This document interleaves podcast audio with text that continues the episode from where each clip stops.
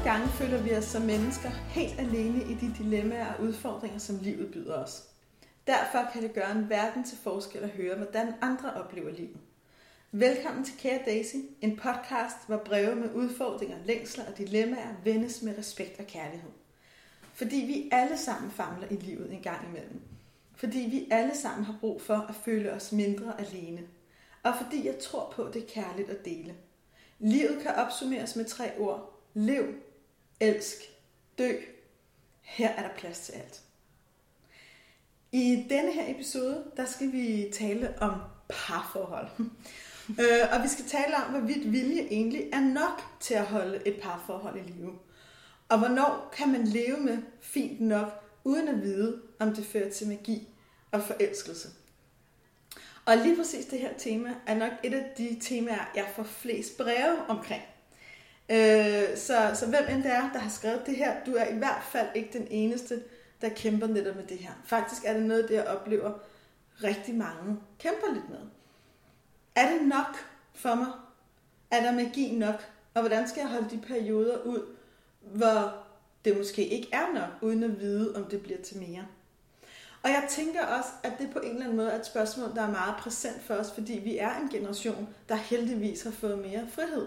Og vi er en generation, som faktisk synes, at det at realisere os selv og at leve et helt liv og virkelig på en eller anden måde at stå der ved den sidste dag og føle, ja, jeg levede mit liv, er vigtigt. Og det er også nogle værdier, som jeg selv har, som jeg selv er en del af.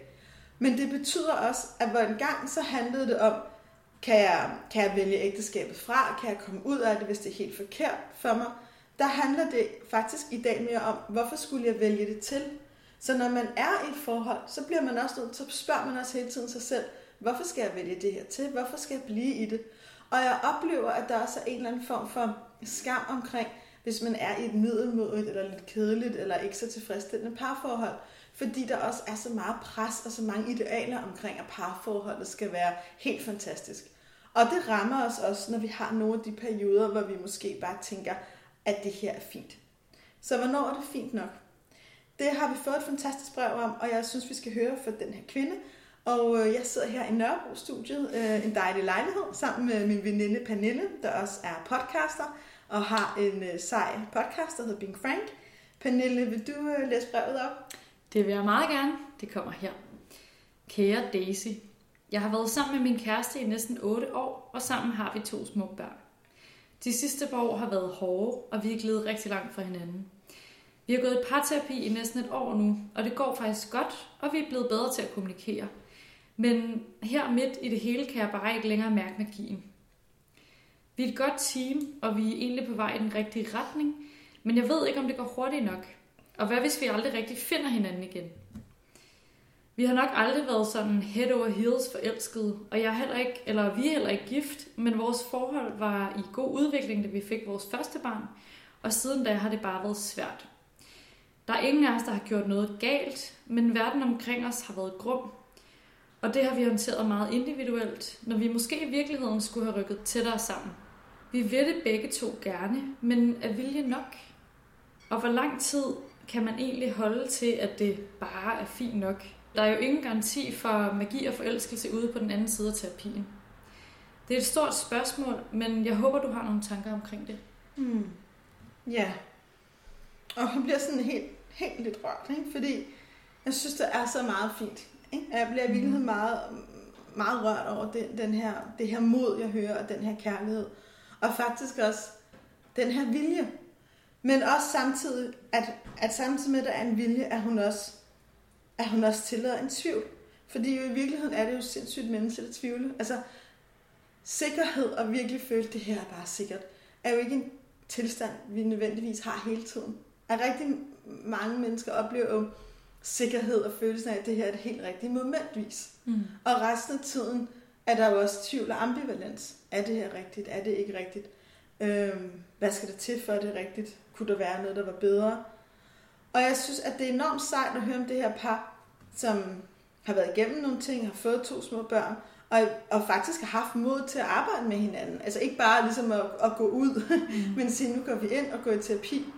Og som sådan en, der også nogle gange øh, holder terapiforløb, så ved jeg også, at der kan være en eller anden form for nærmest terapitræthed. Ikke? At mm. nogle gange, når man virkelig arbejder i dybden med hinanden, og hvem er du, og hvem er jeg, og hvem er vi sammen, og vores mønstre, og vi skal lære alt muligt, det er faktisk ikke altid særlig sexet. Mm. Altså det, der er selvfølgelig forløb, hvor der kommer en masse gnister, kærlighed og magi, og, og det er jo noget af det, der gør, at jeg også elsker det.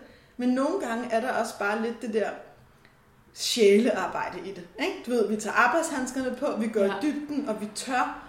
Og det kan give sindssygt meget, og som hun også siger, de er blevet et godt team, de er på vej i den rigtige retning. Ja. Men alt det der sjælearbejde er ikke nødvendigvis det, der skaber gnist og fyrværkeri, og den der store følelse af, at dig, dig vil jeg bare gå til verdens ende med.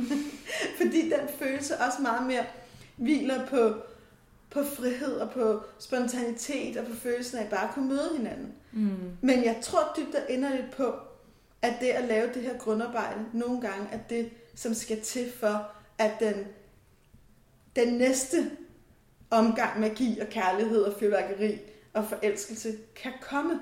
Og forelskelse og gnist og magi føles ikke ens hele livet igennem. Mm. Og noget, der jeg nogle gange selv er lavet over, det er, at mange af de kulturelle billeder, vi har på det, handler jo om den første store, eller den der lidt mere sådan ungdommelige forelskelse, den der, mm. nu finder jeg den, jeg skal stifte familie med. Jeg savner nogle gange flere fortællinger om, hvordan er det at have magi senere hen. Hvordan ser det egentlig ud, når man står med to små børn på armen, og man slet ikke navigerer primært efter hinanden, mm. hvor man i virkeligheden meget mere navigerer efter at håndtere livets grusomheder. Ikke? Hun skriver, verden har været grum. Når man står som et par og skal håndtere, at verden er grum, og man skal op om natten, og man skal lave havregrød, og man skal være en god forældre, og man skal have kærlighed og tålmodighed, når maden skal laves og spises, og kogevasken sættes over. Det er bare noget, der er rigtig hårdt. Mm. Og der er en stor forskel mellem at være kærester, der ikke har børn, og være en familie, der har ansvar for to børn. Mm. Så, så, så, så det er store spørgsmål. Og noget af det, jeg tænker, det er, jeg tror, nogle gange har jeg sagt til mine klienter, Okay, så hvis du fik et brev fra fremtiden, fra universet, hvor der stod, kære dig, jeg lover dig, at alt bliver godt. De kærligste hilsner for dit univers. Ikke? Hvad vil der så ske? Og så siger rigtig mange, så vil jeg slappe af. Ja. Altså hvis jeg bare vidste, ja. at alt det her, det endte godt, så ville jeg også have meget mere ro med det og kunne være i det. Ja. Og så er det jo altid siger, ja, og hvis jeg kunne give dig sådan en brev, så ville jeg rigtig gerne. Mm. Men nu er jeg jo hverken stedfortræder for universet eller spørgkvinde. Desværre. Desværre. Øh, og jeg tror faktisk heller ikke, at man kan få sådan nogle breve. Jeg tror, vi alle sammen nogle gange lidt søger det, og jeg tror også, det er derfor, der er så mange, der er fascineret af astrologer og spørgkvinder, og hvad, hvad har vi? Øh, fordi det ville bare være så lettende, hvis vi vidste, at alt blev okay. Ja. Men, men, men det er jo en del af det, vi skal fagne i livet, at vi ikke ved det. Vi skal kunne rumme den her tvivl og ambivalens. Mm. Og vi skal kunne rumme, at vi ikke ved, hvordan det ender. At vi ikke ved, om der er en guldskat for enden af regnbuen, eller, eller hvad det end er. At vi i virkeligheden bare skal rumme og stå her og tænke, jeg er her, og det her er mit liv lige nu. Mm-hmm. Så noget af, af det, det bedste, jeg kan sige, det er, vær helhjertet til stede. Og helhjertet for mig er at føle og mærke og være i alt det, der er. Både mm. der, hvor du er sikker, hvor du føler, hvor der er momenter, hvor du føler, det er godt, der er noget at bygge på, jeg kan lide ham, jeg synes, vi kan noget, vi er et godt team. Og, og også de momenter, hvor du tænker, jeg ved ikke, om jeg kan mere, jeg er usikker, er det det her, der er, vil jeg mere? I virkeligheden at være så helhjertet til stede, at du tør rumme det hele, og være med det hele. Og det sagt i al respekt for, at jeg godt ved, at det er pisse hårdt. Altså, det er det. Det er virkelig ikke for, for nybegyndere faktisk at åbne alle sine følelser op og rumme det hele. Mm-hmm. Men der er faktisk en magi i sig selv i bare at turde mærke alle de her ting. Og så vil jeg sige, der er også hele tiden et eller andet i at vide, du kan gå. Og det synes jeg ikke, man skal være bange for at tænke. Fordi nogle gange, så kan vi så også blive skarpere på at tænke, er jeg her? Hvis jeg er her, så er jeg her nu. Mm. Så er jeg virkelig til stede nu. Men jeg ved også, at jeg kan gå, hvis jeg en dag vågner op og kan mærke, at det ikke længere er sandt. Mm. Og hvordan, okay, prøv lige at uddybe det, det der med, at det giver en... Øh... Jeg tror godt, jeg forstår, hvad du mener, men jeg vil gerne have den uddybet. Altså, at Øh, At du, så kan du nemmere øh, nyde det, du er i, hvis du ved, at det er dit eget frie valg på en eller anden måde, eller Ja, det. egentlig. Og også i stedet for, altså, i stedet for, at det ligesom, hvad kan man sige, når der er, vi er i tvivl og ambivalensen, ikke, så står vi også på en eller anden måde usikre. Jeg ser det sådan meget med det der, sådan der træ, der svæver mm. i, eller hvad man skal kalde ikke? blomsten, der blafrer. Og det er fint. Øhm, men, men, men mens vi så blafrer, hvis vi så alligevel vælger at blafre plantet i den jord, hvor vi er, hvis vi alligevel vælger at sige, nå, men i den her uge er jeg her. Ikke? Vi skal ja. også til at møde i vuggestuen, og den lille syg så. Ikke? Ja. Men så vær der virkelig. Altså, så prøv en gang virkelig at være til stede, og mens du er der, så prøv at se, hvem er det egentlig, jeg er sammen med? Hvad er det, jeg godt kan lide ved ham? Hvornår er det, jeg synes, at der er noget mellem os, der er godt? Altså i virkeligheden, at være helhjertet til stede på den måde, at du Mhm. tillader dig selv ikke at trække dig ud og stå lidt og vente, Mhm. skal jeg være her eller ej? Ja. Men i virkeligheden gå aktivt ind og sige, jeg er her. Ja. Jeg er her også med min tvivl, og jeg er her også med den del af mig, der måske nogle gange tager dig i hånden klokken 3 om natten øh, og siger, jeg elsker dig, men jeg ved ikke, om vi er de rigtige. Altså, Mm. Men der er forskel mellem, om man, om man gør det og rummer tvivlen trukket væk, Mm. eller engageret. Ja. Giver det mening? ja, det synes jeg. Altså, det er jo, sådan, det er jo hårfine balancer. Ja. Men, men det, jeg tror, der er enormt vigtigt, og for mig, når jeg taler om at være helhjertet til stede, det er at gå ind i forholdet med det hele. Også med det sårbare, tvivlen og det, der Mhm. går den anden vej. Ikke kun det, man ved. Og også måske faktisk sammen som pap. Begge to kunne ture og dele, at det her er lidt svært at vide, hvad vej det går. Mhm. Men når man så vælger at være i det, så også til gengæld vælge at satse på den kærlighed og give den alt, hvad man har. Altså give den fuld skrue. I virkeligheden sådan helt ned til at sige, jamen, når du er der hver dag, du alligevel vælger at være der med din tvivl, så husk også den dag, at røre ved ham, at kram ham, at give ham et kys, at se hans styrker, at fortælle det, han gør godt, Mm. og læg mærke til de steder, hvor han prøver Mm. at røre dig, se dig, anerkende dig. Læg mærke til de små, bitte, bitte, bitte bobler af magi, der måske er. Ja. Prøv at få dem til at være større. Altså kort sagt, så elsk. Ja. Meget smukt. Må jeg godt stille et spørgsmål til? Ja, det vil du gerne. Hvad gør man, når man rammer terapitræthed? Altså sådan helt konkret. Hvis man simpelthen bare er sådan, åh, jeg kan ikke øh, indvende mig selv mere, det bliver så metaagtigt, eller hvad det nu handler om. Hvad gør man? Man løbe en tur, eller... jeg ved Ja, det ikke. Altså, man kan sige, øh, jeg synes, det er en god idé. Måske skal man i virkeligheden bare løbe rigtig langt væk. Ja. Ja. Altså sådan et eller andet, altså jeg selv er menneske, der nogle gange i mit liv har sådan taget væk et halvt år eller et eller andet, ikke? Bare Øhm, lige løb til Mexico. Ja, netop, ja, for eksempel. Ikke? Nej, men i virkeligheden, så tror jeg, at nogle gange, så, altså, og det er måske lidt paradoxalt, at jeg siger det, som jeg faktisk arbejder med det her. Men nogle gange skal man måske også stoppe og sige, nu har jeg fået den hjælp, og vi har været der meta, og vi har arbejdet med os selv. Nu skal tingene også bare have lov at hvile og være. Vi har sået nogle korn i marken. Nu må vi stole på, at de vokser op. Eller går til grunde, fordi de ikke skulle vokse op.